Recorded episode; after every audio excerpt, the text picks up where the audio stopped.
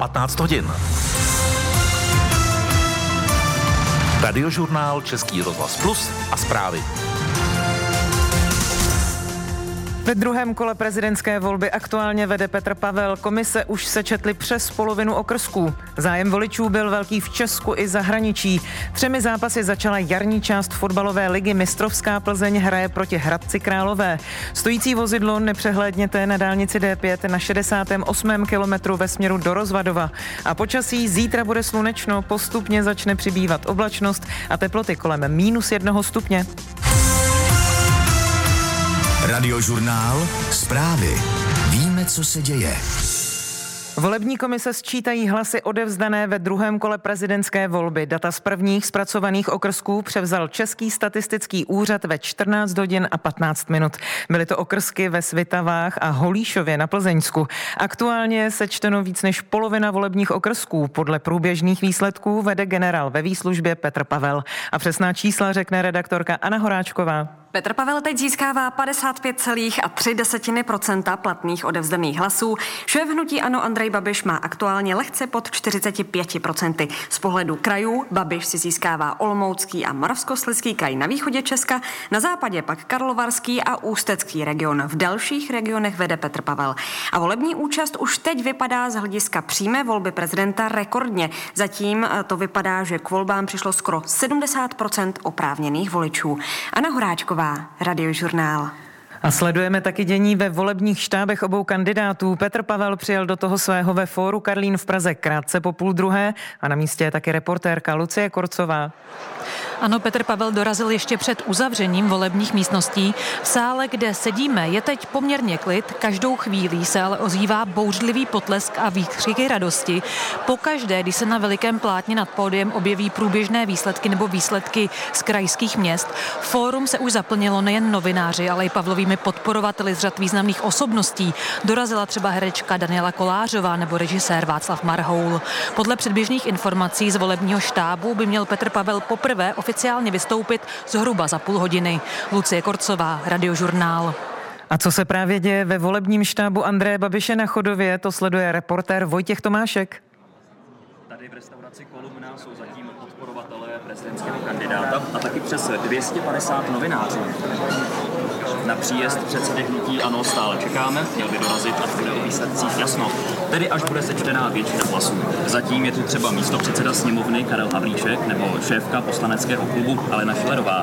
Politici nejsilnějšího opozičního hnutí mluví o předvolební kampani a taky zdůrazňují, že výsledky bude potřeba respektovat, ať už volby dopadnou jakkoliv.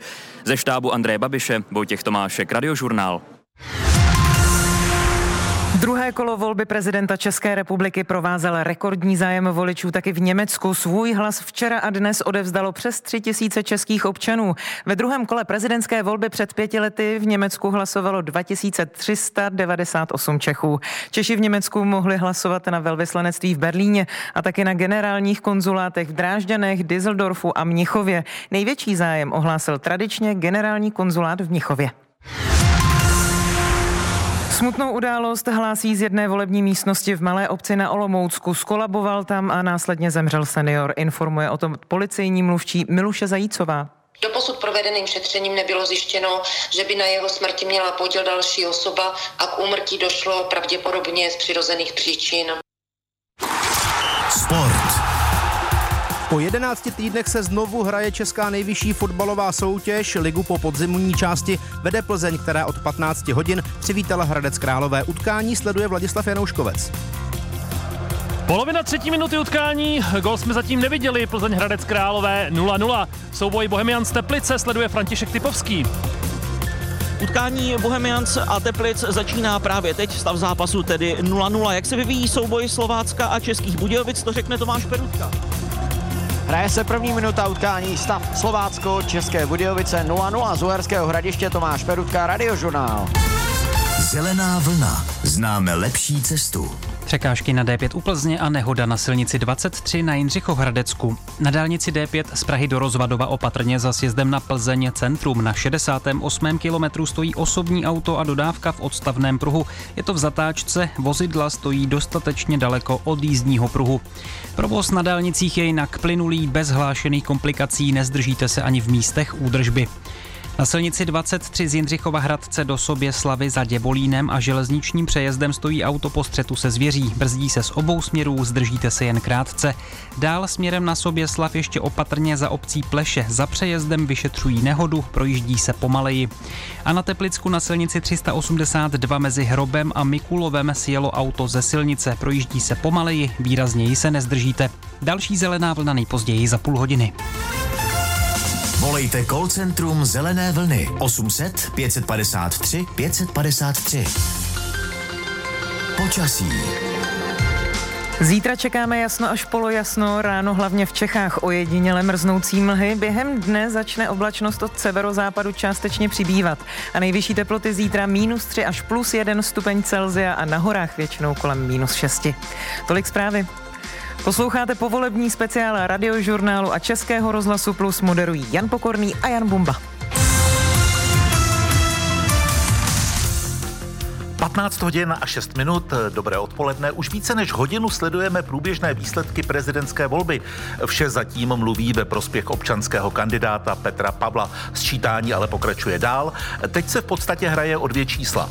To je rozdíl počtu hlasů mezi oběma kandidáty, ale také volební účast. Volby 2023.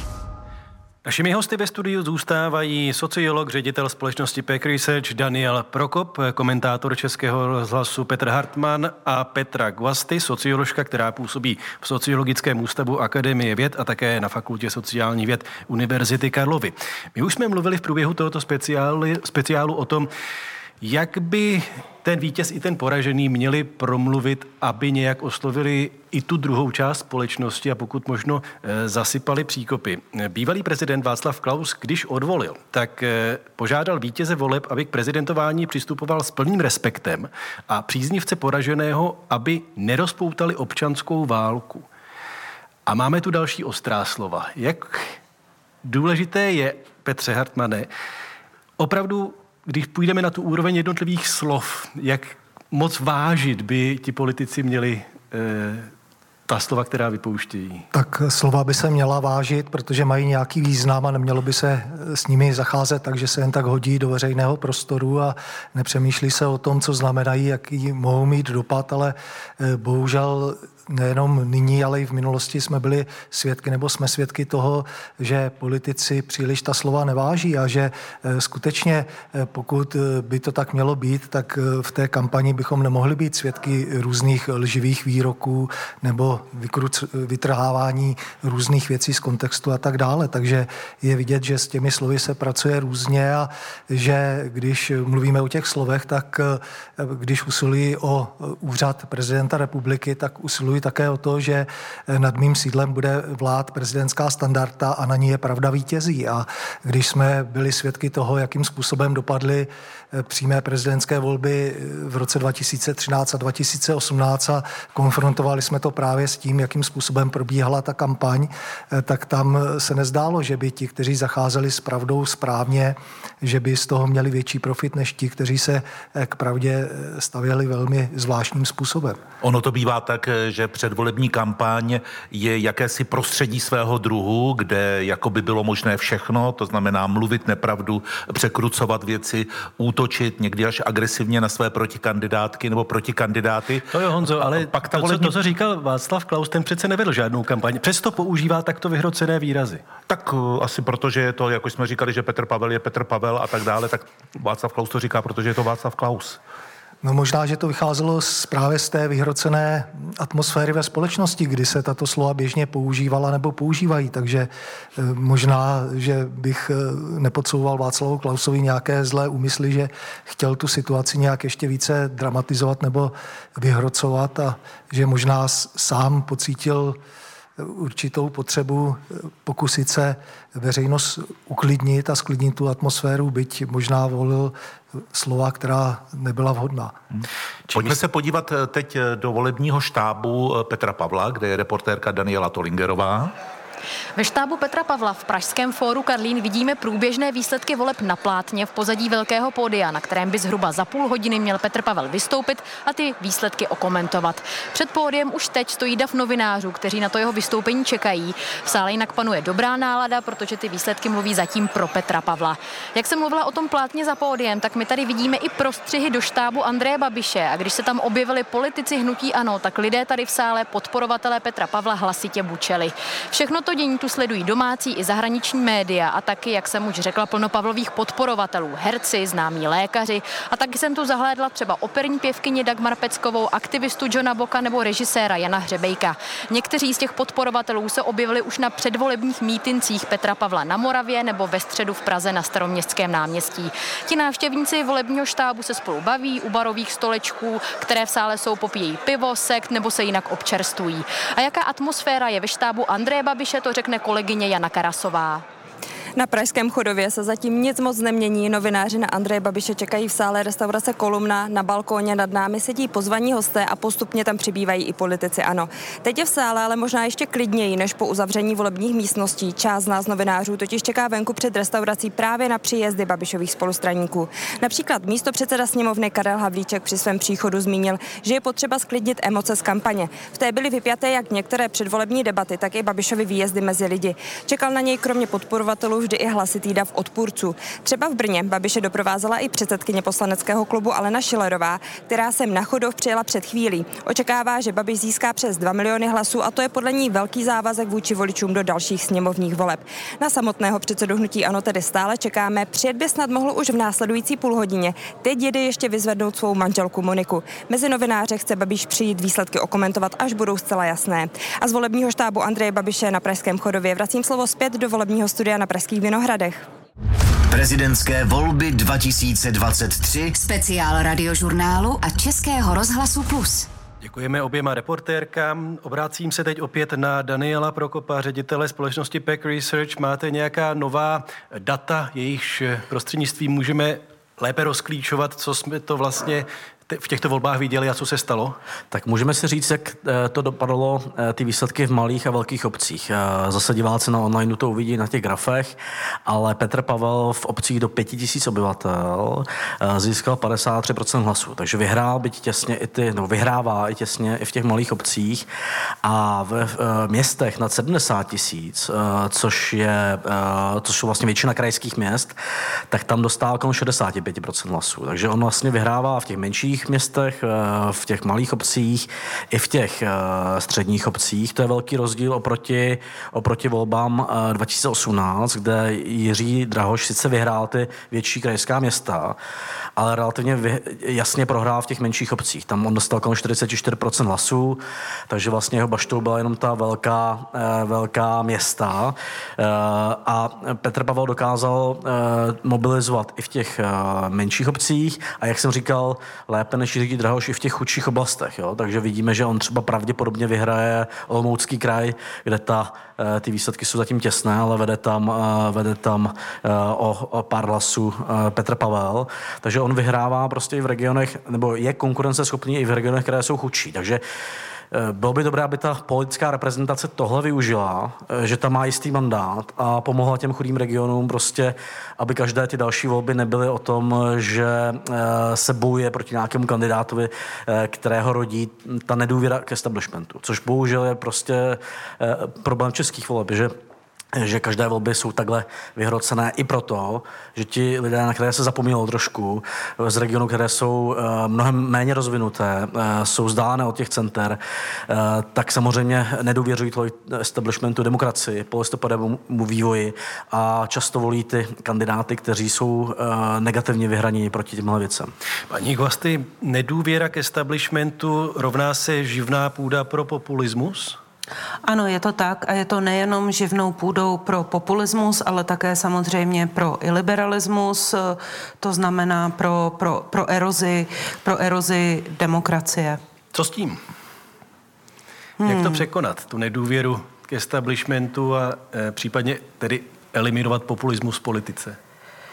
Já si myslím, že populismus, že živnou půdou populismu je v České republice chudoba, je to, je to ta, ta deprivace ekonomická nemusí být pouze reálná.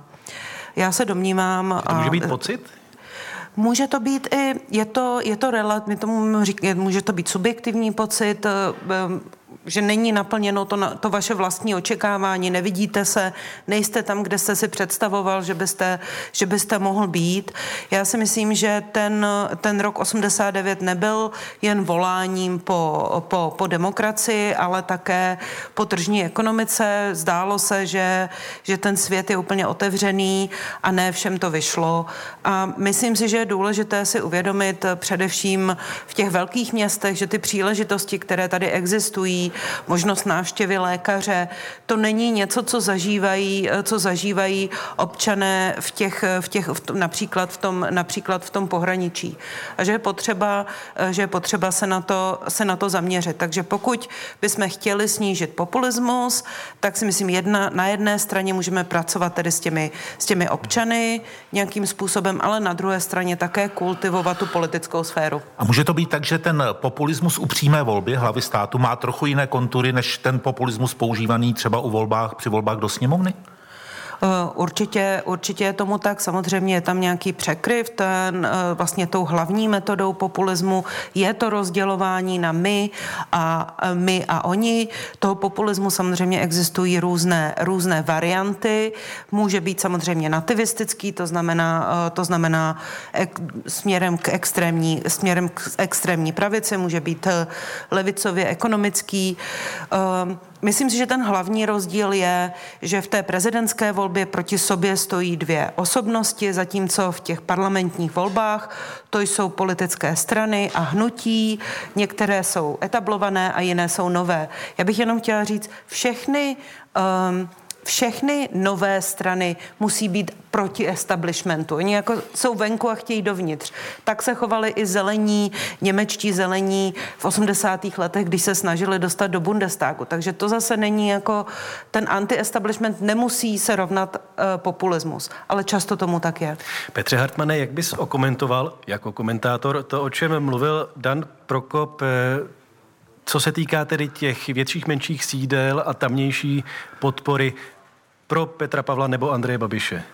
No tak dalo by se k tomu říci, že padá ten stereotyp, který někdo neustále zastává, to znamená, že ty volby jsou souboj město versus venkov, že padá to hloupé heslo, které se šířilo na sociálních sítích, že eh, Praha a láska musí zvítězit nad vsí a nenávistí, takže to je absolutní nesmysl a tak toto nefunguje a že to dělení lidí podle toho, koho podporují, je daleko složitější než takovýmto způsobem a zároveň to znamená také to, že například eh, Miloš Zeman, když kandidoval proti Jiřímu Drahošovi, tak se Jiřího Drahoše snažil vykreslit jako představitelé pražské kavárny a Petr Pavel eh, tím, jak vystupoval v té kampani, jak působil autenticky, tak rozhodně nezavdával příčinu pro to, aby si lidé o ně mysleli, že je to takovýto typ kandidáta, že on se naprosto přirozeně pohyboval i eh, v tom venkovském prostředí, ostatně bydlí na venkově a tak dále, takže eh, tam nebyl ten důvod takto stavět vlastně ty kandidáty. Ano, Petr Pavel vyhrál prezidentské volby u nich doma v Černoučku na Litoměřicku, získal tam téměř 91% hlasů, Andrej Babiš měl eh, něco málo přes 9% hlasů. Podívejme se teď eh, na další průběžné výsledky prostřednictvím Ani Horáčkové. Volební komise sčítají o 106, máme zpracováno už 80% volebních okrsků. Petr Pavel stále na prvním místě, dokonce mírně posílil. Ty průběžné výsledky mu přisuzují už přes 56 6% hlasů. Bývalý premiér Andrej Babiš z Hnutí Ano naopak mírně ztratil v těch uplynulých minutách, klesl pod 4 a 40% platných odevzdaných hlasů. Pojďme se ještě podívat na velká česká města. Ve většině z nich vede Petr Pavel v podstatě jen v Ostravě, má o pár procentních bodů víc jeho rival Andrej Babiš. A ještě krátký pohled do Ústí nad Labem. Tam je to totiž velmi, velmi těsné. O pár stovek hlasů, jak to sleduji, tak místy jen o desítky vede Petr Pavel. Pokud by vás ta čísla zajímala detailněji, všechno najdete na našem serveru i rozhlas.cz. Prezidentské volby 2023. Speciál radiožurnálu a Českého rozhlasu Plus.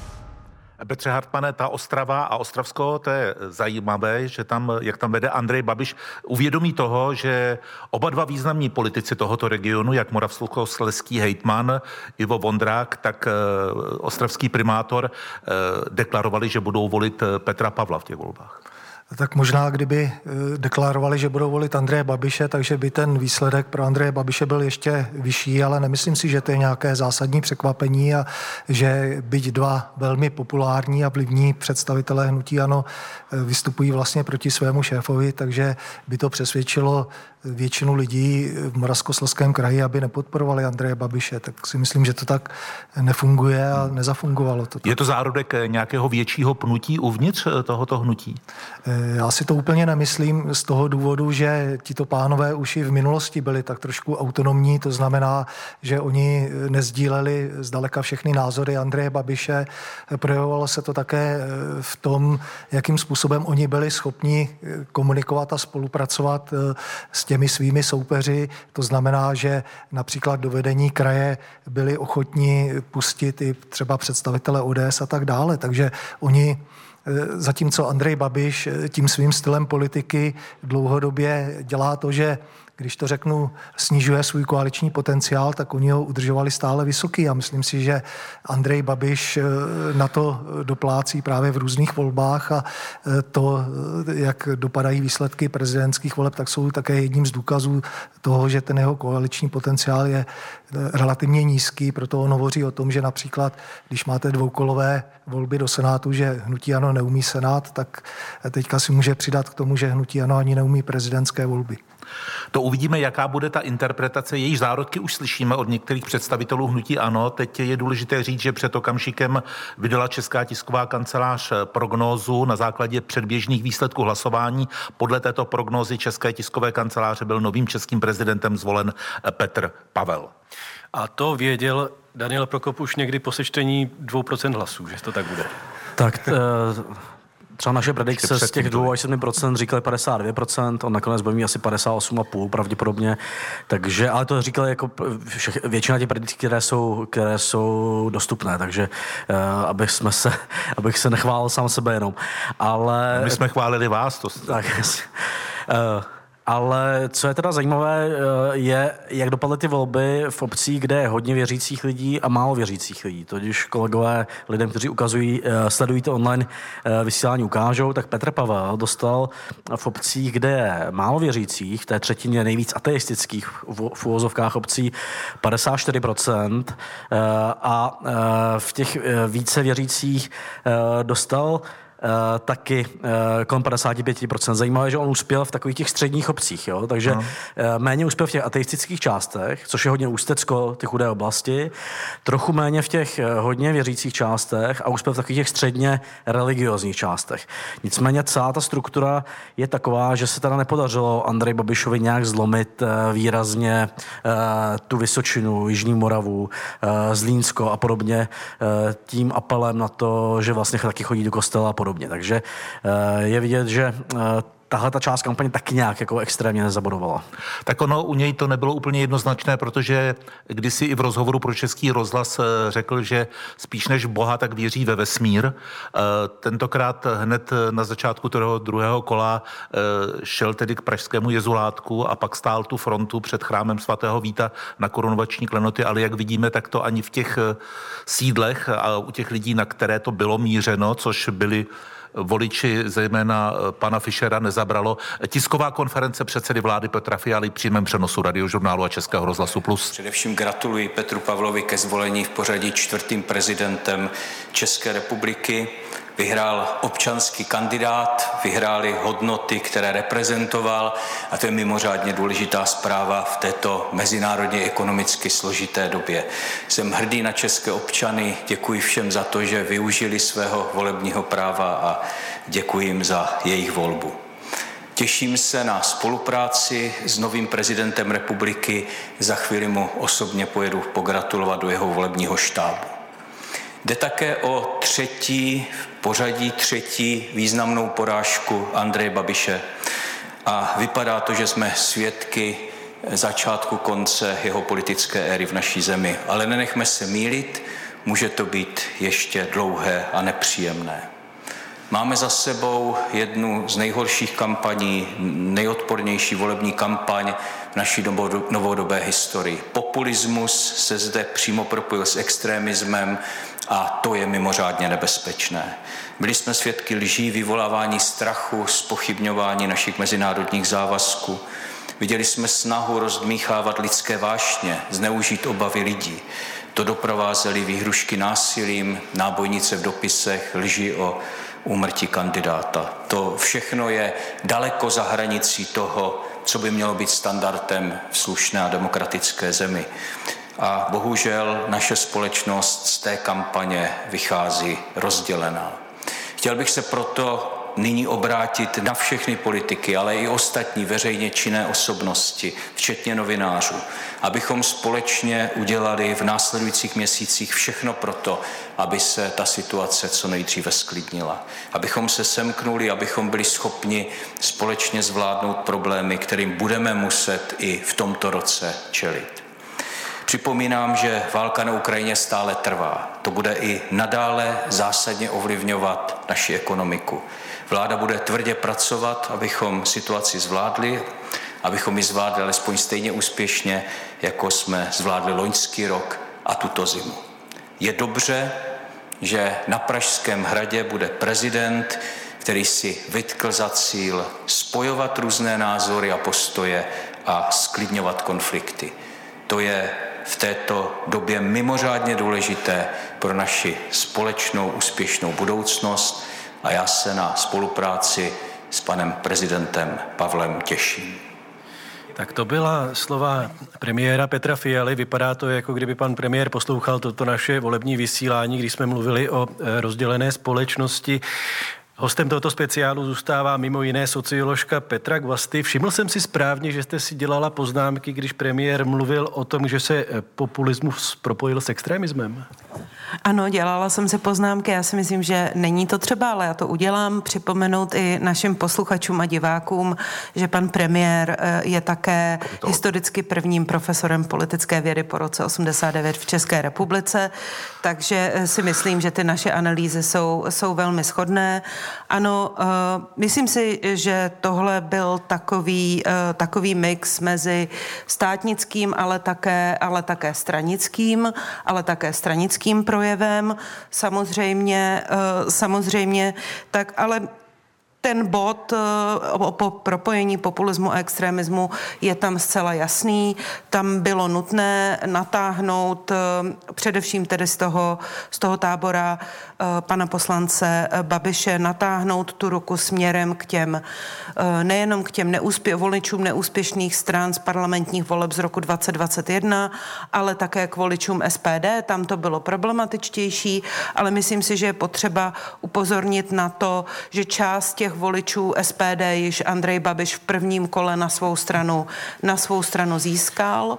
Můžeme, eh, můžeme, tedy, eh, můžeme tedy očekávat jistý, eh, jistý boj o přežití, o přežití SPD, protože přece jenom ta volební, ten volební zisk jejich kandidáta byl velmi nízký. No a slova, promiň, slova, Omlouvám se, já chtěl jsem se... Jana Bomby následují takhle. Když jste, když jste eh, komentovala nebo pozorovala to vystoupení premiéra Fialy. On taky řekl, že to je třetí porážka Andreje Babiše, že to je možná začátek eh, konce jeho politické éry. A když se na toto vyjádření podíváte tím prismatem zasypávání příkopů nebo uklidňování společnosti, není tohle naopak další popíchnutí těch příznivců Andreje Babiše? No, pra, eh, já s vámi souhlasím a právě proto jsem řekla, že to byl částečně státnický a částečně politický projev a tohle byl ten politický projev. Já si myslím, že, eh, že panu premiérovi spadl tak trochu také kámen ze srdce, protože tam jakoby my máme historii, musíme si trochu připomenout tu historii českých prezidentů, kteří rádi testují ty hranice těch svých pravomocí a domnívám se, že, a není to jenom můj dojem, je to i, jsou to i slova uh, kandidáta Andreje Babiše, že on by byl aktivním a od aktivního k aktivistickému prezidentovi to už je jenom jedna slovní, jedna slovní přesmička. Takže panu premiérovi se uje, ulevilo, pravděpod, je s velkou pravděpodobností příští premiér, prezident, promiňte, republiky nebude navštěvovat každé jednání vlády. A, a to bylo i v tom projevu slyšet. Ale populismus zde nekončí. Uvidíme, jak se to odrazí na práci vlády. Přece jenom tyto volby se explicitně netýkaly kabinetu, byly to, byla to přímá volba hlavy státu, ale určitě se čekalo na zvolení nového prezidenta s tím, jaká další opatření, ať už v oblasti energetiky, ale třeba i krocení inflace a dalších eh, těchto neblahých jevů bude vláda dělat. Já jsem chtěl říct, když jsem řekl ta, ta slova, že to byl takový mix politologie a vlastně i politiky. Eh, ty by si s tím souzněl, Petře, že vlastně, ano, dobře, věcně vidíme třetí porážku Andreje Babiše, ale je tedy jeho politická dráha už kloněna spíš směrem dolů? Tak vzhledem k tomu, že Petr Fiala je představitel vládní strany a že e, skutečně si myslím, že e, po kampani k prezidentským volbám budeme za chvíli svědky kampaně k volbám do poslanecké sněmovny, byť jsou až za dlouho, eh, tak jsme zde mohli eh, názorně vidět, hmm. že eh, ta kampaň bude dále pokračovat. Že... Promiň, Petře Hartmane, že tě přerušuju. My teď tě přepojujeme do volebního štábu budoucího prezidenta České republiky Petra Pavla, který by měl vystoupit s prvním projevem po zvolení. oznamovali start kampaně, tak jsem říkala na pódiu, že se nemůžu přestat smát, protože jsem hrozně nervózní. Dneska se směju také, ale úplně z jiného důvodu. A z toho důvodu, že Česko řeklo, že chce změnu. Ano, tak eh, posluchači eh, správně poznali, že tohle není hluboký tembr Petra Pavla. Eh, Děkuju to je všem voličům. Pravděpodobně my tam nevidíme do toho štábu hlas jeho mluvčí, která děkuje voličům řekli, Petra Pavla a štáb a jeho podporovatelé teď slaví vítězství potleskem. Který je čestný, je slušný.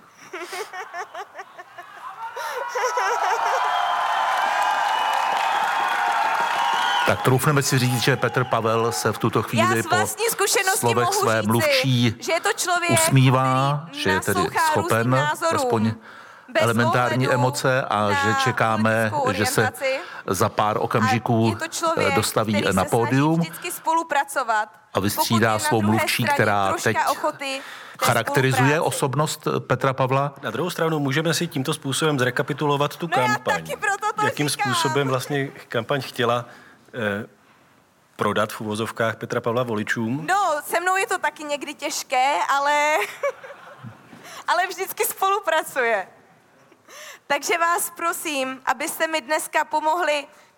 Víte, já bych normálně řekla, vítám vás na konferenci, Možná, to, Možná je to, ta, ta radost je tak, je ta, ta radost je tak velká, že, že se z, našeho, z naší strany velmi těžko komentuje tedy.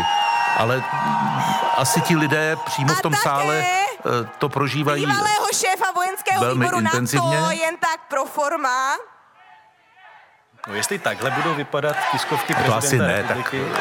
ono to, ono to bude záležet Dneska, samozřejmě, o tom už jsme mluvili, dneska můžu říct na míře té radosti Něco úplně na jedné jiného. straně, což je tohle, co teď slyšíme v přímém přenosu. vás A na míře třeba i té frustrace a té nespokojenosti, která bude citelná a čitelná na druhé straně.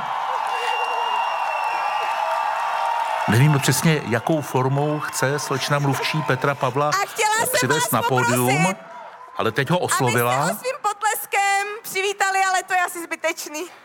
To si taky myslíme. Děkuju Pardon. vám.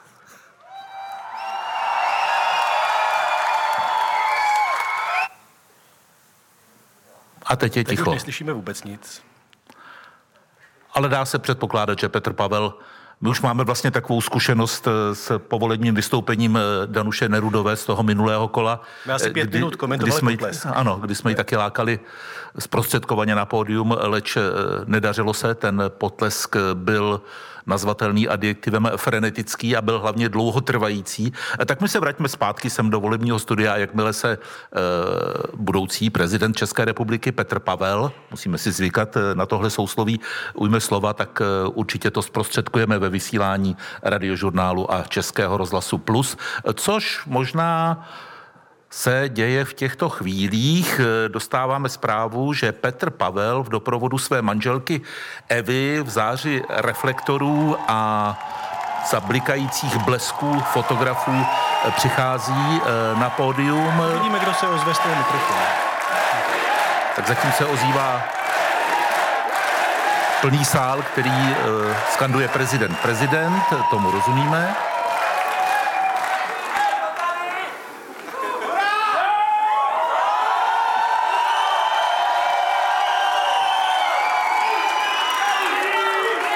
Poslechněme si tedy první slova Petra Pavla v roli prezidenta, budoucího prezidenta České republiky. To bylo přání, které bylo spíš otcem myšlenky, nikoli v skutečnosti. To, co slyšíte, je skandování Eva, Eva. Já bych moc rád eh, nejenom poděkoval všem, eh, kteří eh, mě volili, ale zároveň bych také chtěl poděkovat i těm, kteří mě nevolili, ale přišli k volbám protože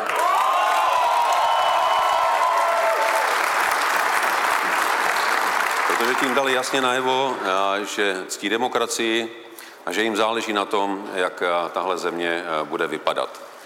Rozumím i tomu, že se mnozí teď cítí zklamaní, protože jejich favorit nevyhrál. Ale zároveň také vnímám to, že v této zemi nevidím vítězné nebo poražené voliče. Vidím, že v této volbě vyhrály hodnoty.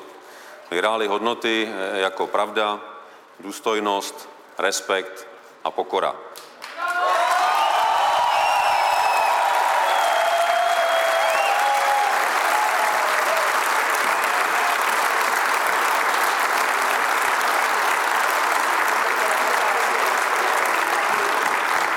Já jsem přesvědčený, že tyto hodnoty sdílí naprostá většina z nás a že rozhodně stojí za to, abychom se snažili, že budou součástí našich životů a aby se také vrátili na hrad a do naší politiky.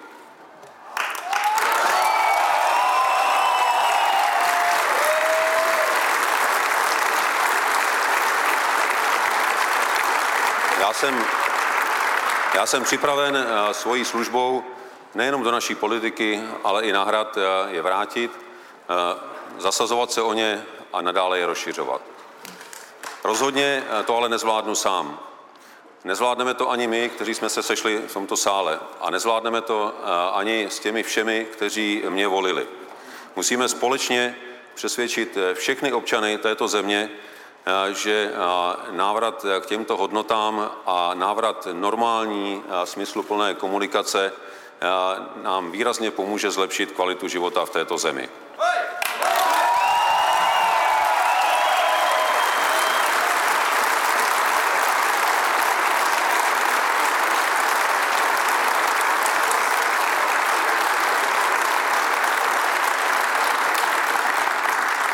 Nebude to rozhodně eh, jednoduché, ale také to není nemožné. A já jsem eh, přesvědčen o tom, že eh, máme kromě těch rozdílů a příkopů, které nám mnozí připomínají, že máme mnohem více toho, co máme společné. A je to nejenom společný jazyk, krásná země a její úspěšná historie. Je to především naše společná budoucnost ale i problémy, eh, kterými, eh, kterým dnes eh, a možná i v budoucnu budeme čelit. A je důležité, abychom tyto problémy byli schopni řešit společně jako jedno společenství.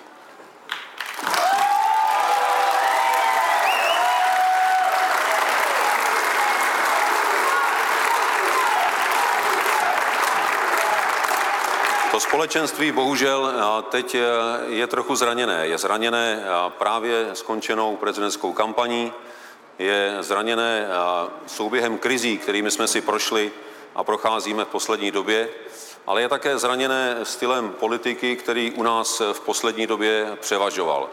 Politika konfrontace, politika vzájemného osočování a politika hledání důvodů, proč něco nejde, místo toho, abychom hledali společná řešení. To se musí změnit. A já si myslím, že vy jste mi dnes eh, pomohli udělat první krok na cestě k této změně.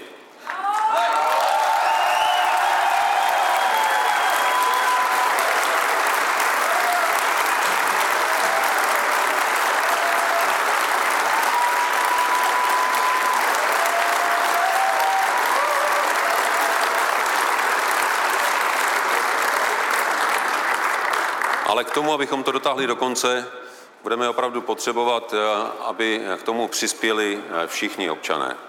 A já jsem eh, přesvědčen o tom, že bychom si měli přát Českou republiku, která nebude se vyznačovat blbou náladou, tak jak to označoval kdysi Václav Havel, jako frustraci z toho, že se věci nedaří, ale že si zasloužíme Českou republiku, která bude republikou pohody. A já si myslím, že na to máme a že to dokážeme.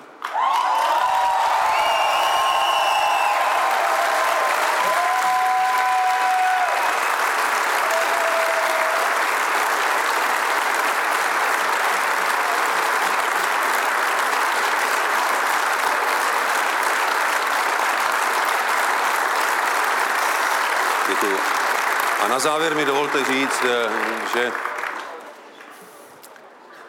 za úspěch eh, svého prezidentství budu považovat pouze a jen náš společný úspěch. Moc vám děkuju přímém přenosu Českého rozhlasu na radiožurnálu a Českém rozhlase Plus jsme slyšeli první slova příštího prezidenta eh, Petra Pavla. Proč říkáme příštího prezidenta?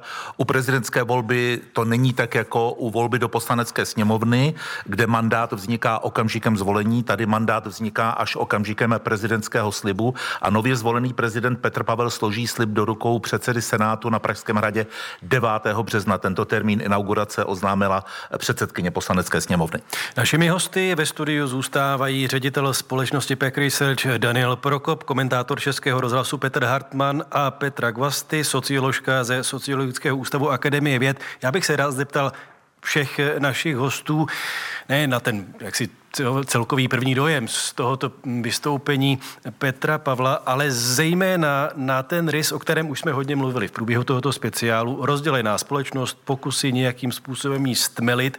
Petře Hartmane, jak to vyznělo v tomto směru?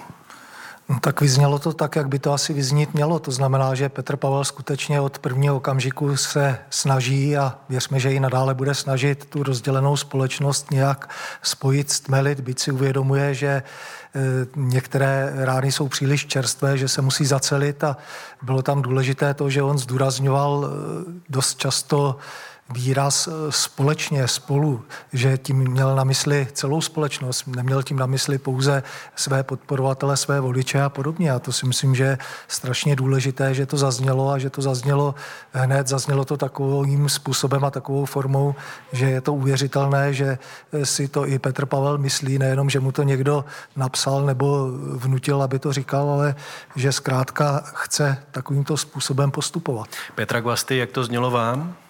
Um, já se můžu, eh, já se mohu eh, k panu Hartmanovi eh, velmi připojit.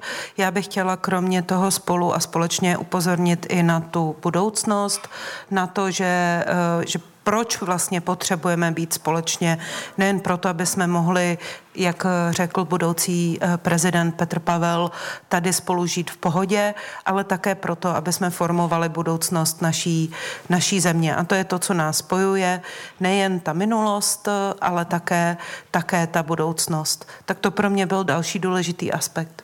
Eh, Dané Prokope, když tam zaznělo nevidím vítězné nebo poražené voliče, to je zjevně natažená ruka tedy k voličům Andreje Babiše? To určitě dobře, eh, to určitě dobře nerozdělovat eh, ty voliče a ten spojující apel eh, se mně taky líbil. Eh, bylo by dobré to udržet i v té politice, protože samozřejmě eh, o propojení těch regionů, propojení těch zájmů eh, dlouhodobě rozhoduje nejen ta retorika, ale i to, co dělá, co dělá ta politická reprezentace pro ty chudší voliče a chudší regiony. Takže pokud by Petr Pavel jako prezident udržel tenhle apel na to, aby jsme se i v té reálné politice zabývali dopady na různé části společnosti, tak by to bylo samozřejmě velmi přínosné. My jsme se o tom bavili v tom včerejším kandidátském duelu s oběma kandidáty, jak s Andrejem Babišem a s Petrem Pavlem, jestli to, co mají v plánu, nebo teď už tedy mluvme jenom o Petru Pavlovi, to, co měl v plánu, že bude podobně jako jeho předchůdci eh, navštěvovat jednotlivé regiony, eh, tak samozřejmě ta návštěva asi potěší tamní obyvatele, ale vy jako sociolog eh, určitě víte sám nejlépe, že problematika těch regionů se nevyřeší prezidentskou návštěvou. Tak ty návštěvy jsou do, dobré. Miloš Zeman tam do, do jistého času jezdil. Na druhou stranu ten prezident musí propagovat věci, které těm regionům pomohou, což, je, což se tak úplně nedělo, podle mě, z hlediska té reprezentace, která tam jezdila do těch regionů. Druhá věc je co se mi líbilo na tom projevu osobně je, eh, že Petr Pavel má pravdu, že eh, řadu těch hodnot sdílí celá společnost. Že my jsme si vybudovali takovou, eh, takový příběh o té rozdělené společnosti, ale když zkoumáte hodnoty, tak některé hodnoty sdílí, celá společnost. Ona se opravdu štěpí na polarizujících tématech a na té reálné politice a na vnímání některých jakoby kandidátů. Takže podle mě tohle je dobré připomínat, že některé hodnoty vlastně sdílí celá společnost a že občas to rozdělí rozdělení je i takový mýtus, že má reálné zdroje v té ekonomice, v, v rozvoji těch regionů, s kterými se dá pracovat. Není to nic, co by bylo v nějakém DNA té společnosti, to rozdělenost. Ano, tady můžeme odkázat na svého času velký průzkum a velký, velký, velký projekt Českého rozhlasu a i vás, výzkumných agentur rozdělení svobodou, že tam ty třídy a ta, to rozdělení společnosti nebylo úplně jako jedním řezem, tam je určitě mnohem víc vrstev. Když Petře Hartmanem mluvil Petr Pavel o potřebě návratu normální smysluplné komunikace, eh, co přesně tím asi myslel a jak obtížné to bude vrátit se k takovéhle smysluplné komunikaci? No, obtížné to bude a bude důležité, jak spolu budou komunikovat politici. Tak dá se předpokládat, že prezident Petr Pavel, on to vyjadřoval opakovaně, že bude mít zájem na běžné normální komunikaci směrem k politikům, směrem k vládě a podobně, protože skutečně posláním prezidenta není to, aby vládě podrážel nohy, aby se jí snažil nějakým způsobem rozložit, aby skončila, ale eh, měli by spolu spolupracovat. To neznamená, i Petr Pavel o tom opakovaně hovořil, nekriticky sdílet všechny výroky a všechna rozhodnutí vlády, že je potřeba komunikovat také někdy kriticky, ale je to strašně důležité a e, může to být e, takový příklad toho, jak také pak komunikovat dál e, na těch různých jiných úrovních. Ne, ne, nemám na mysli jenom v politice, ale také právě mezi lidmi a podobně. No a na to bych rád navázal s Petrou Gvasty. Nakolik je ta společnost rozdělená, nebo nakolik přispívá k rozdělení té společnosti, že spolu neumíme mluvit? Že se nám vytratila ta, jak to řekl Petr Pavel, normální smysluplná komunikace? Já si myslím, že je to, eh, že je to důležité. Já souhlasím eh, s Danem Prokopem. Je tady hodně toho, co nás spojuje a rozděluje a právě proto si myslím, že je důležité, co ty politické kampaně volí a jakým způsobem s tím pracují. To je nějaká marketingová, to je nějaký marketingo, nějaké marketingové rozhodnutí. Já si myslím, že je strašně důležité pro ten návrat eh, k tomu, aby ty kampaně, aby takovou kampaň, jakou jsme zažili, už jsme nemuseli zažívat. Tam je hrozně důležité důležité, že to nefungovalo. Prostě brutálně rozdělit tu společnost, čířit strach, že to je něco, co voliči nakonec nepodpořili. A to je strašně důležité, protože to, na co upozorňoval kolega Hartmann na začátku, my jsme se neocitli v této kampani, která byla taková, jaká byla z ničeho nic. Tady existovala nějaká cesta těch předchozích voleb, kdy lež vlastně byla odměněna Jo, nebyla žádným způsobem potrestána, pokud nevezmu v úvahu možná 20 tisíc korun pokuty od eh, úřadu na dohled eh, nad politickými stranami a kampaněmi, takže to vlastně není jakoby žádný trest, když už sedíte v té funkci. Takže já si myslím, že to je důležitý začátek protože politici přispívají jak k pozit, pozitivně ke kultivaci nebo naopak, nebo naopak nějakou mobilizací, radikalizací, k radikalizaci toho, té společnosti a toho jazyka.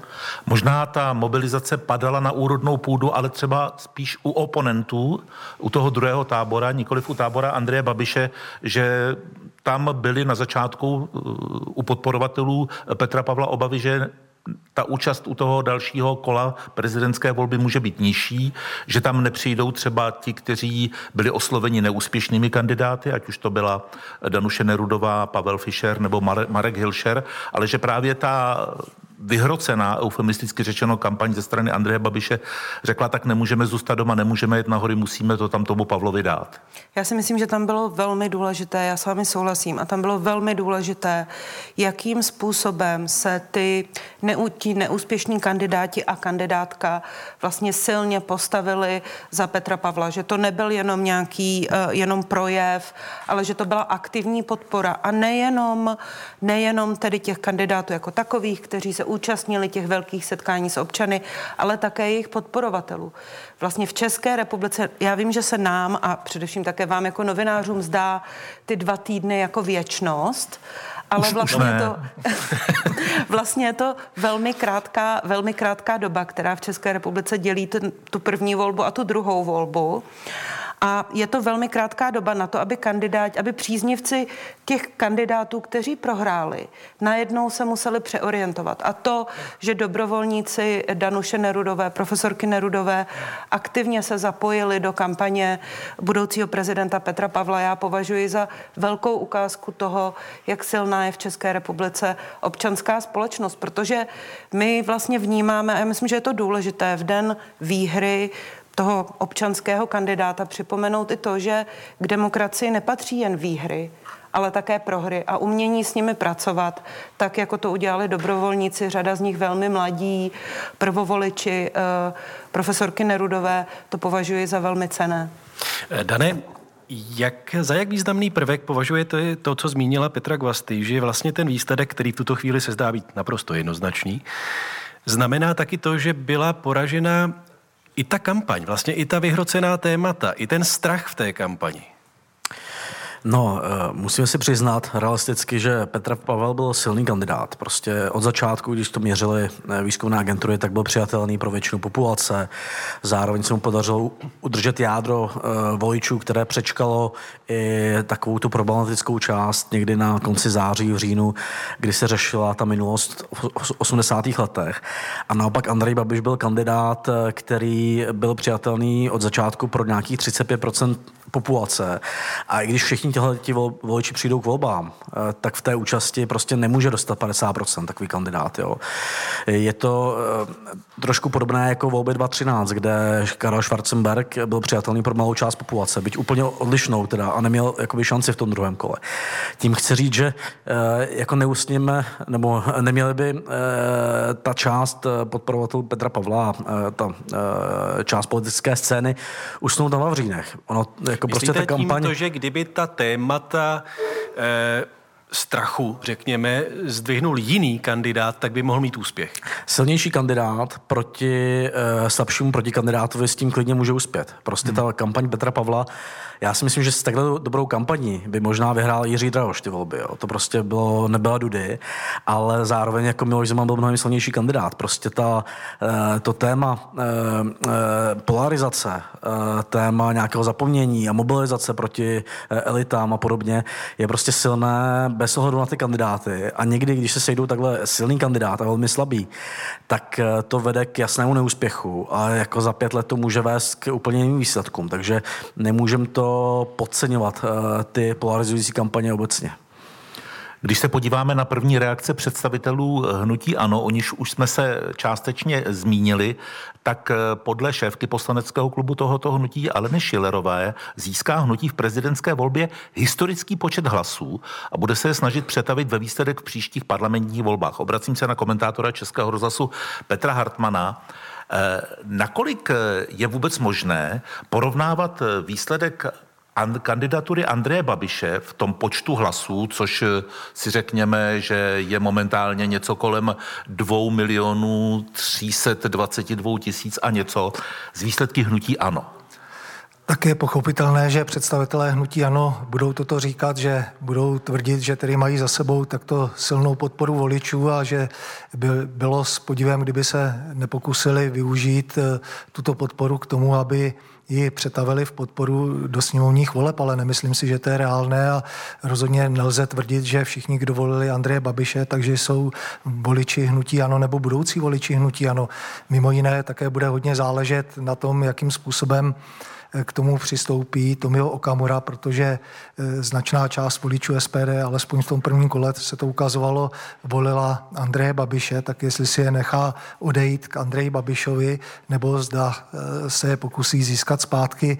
Pak zde máme samozřejmě Eh, podporu od eh, voličů, kteří v těch sněmovních volbách volili strany typu sociální demokracie, KSČM, přísahy a bude záležet na těchto stranách, jak eh, dál budou fungovat, jak se budou chovat. Zda se zde neobjeví nějaký nový politický subjekt, který by dokázal tyto lidi oslovit a tak dále. Takže chápu, že když takto drtivě prohrajete volby, tak na to musíte hledat něco pozitivního i směrem právě k těm svým voličům, aby, aby nepropadali bez naději, že že je konec světa, že už zkrátka nemají nikdy šanci na úspěch, ale nemyslím si, že takto jednoduše to bude fungovat. Petr Hartmann zůstává hostem ve studiu. Jak teď probíhá sčítání hlasů, ví Anna Horáčková.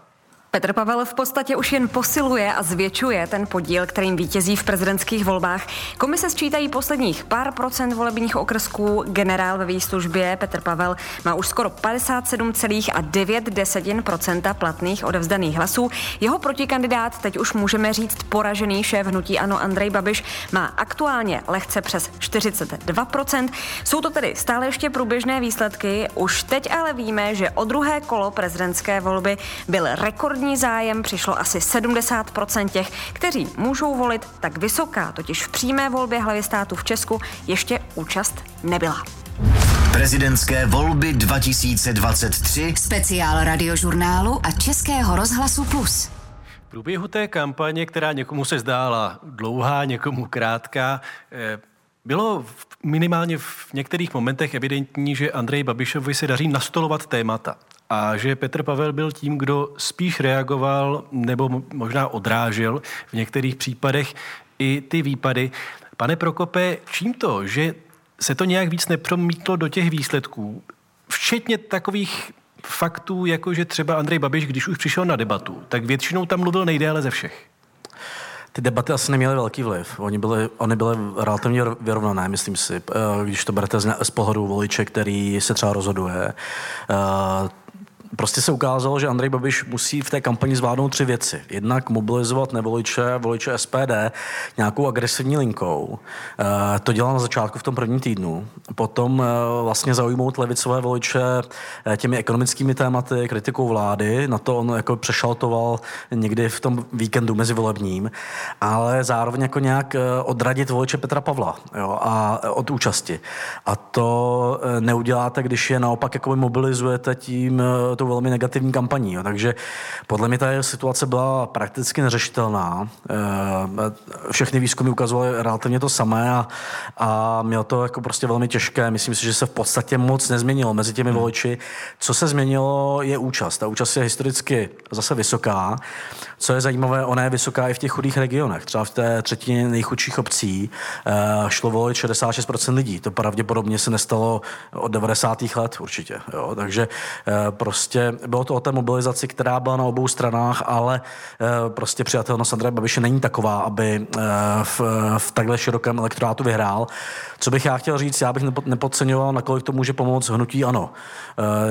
Tam voliči, řada voličů volila Andreje Babiše poprvé, nebo zástupce hnutí ano, Uh, oni dostali na ty lidi nějaké kontakty v té kampani. Myslím si, že to hnutí ano může pomoct v tom, aby sbíral voliče levice SPD v dalších volbách. On mohl při těch debatách vzniknout i pocit, že Andrej Babiš si je pevnější v kramflecích, řekněme, v těch exekutivních tématech, hmm. protože má velkou zkušenost eh, jako bývalý minister financí i jako premiér. Eh, asi ano, eh, jde o to, jestli to zvoliči tak zohledňují, protože ono to působilo takým fragmentujícím eh, dojmem. Možná nakonec hraje roli taky takový pocit z toho kandidáta trochu. V kraji možná se byl lepší Petr Pavel. Takže oni měli oba různé síly v těch debatách a pravděpodobně se tak zhruba vyrovnali ty, ty jejich přednosti v těch debatách. Petře Hartmane, taky tě nezaráží to, že Andrej Babiš nedokázal nějak lépe kapitalizovat to, co jsme viděli, že on skutečně dokázal mnohdy nastolovat ta témata. Petr Pavel působil často spíše v defenzivě, byť možná defenzivě velice elegantní a někde i vtipné, ale byl to Andrej Babiš, kdo určoval charakter těch debat. No ale někdy to bylo spíš k jeho neprospěchu než prospěchu, když určíte eh, téma války míru, dáte si na billboard, že e, není voják, že nechce válku, že chce mír, že je diplomat a urazíte tím vojáky, pak se omlouváte, měníte e, ten billboard, eh, upravujete to, tak eh, to je přiznání toho, že jste asi to neudělali zrovna nejlépe. Pak když v té debatě řeknete, že nepřijdete na pomoc spojencům v NATO, tak je to také nastolení tématu určitého, ale ukázalo se, že eh, Andrej Babiš by raději takovéto téma nenastolil a navíc on, Andrej Babiš, když někdy se přestane kontrolovat a v těch debatách začne chrlit jednu myšlenku přes druhou, tak tam se v tom ztrácíte a těžko pak můžete hmm. nabít dojmu, že to je člověk, který tedy má zkušenosti z exekutivy a ví, jak se to dělá. Tak, to byl Petr Hartmann. My děkujeme za dvouhodinovou účast v našem volebním studiu socioložce, docence Petře Gvasty. Děkujeme, mějte se hezky. Děkuji za pozvání. A před námi je teď už 16. hodina, dvě hodiny, trvá tedy sčítání hlasů. Jisté je, že příštím prezidentem stává se Petr Pavel a před námi jsou další zprávy.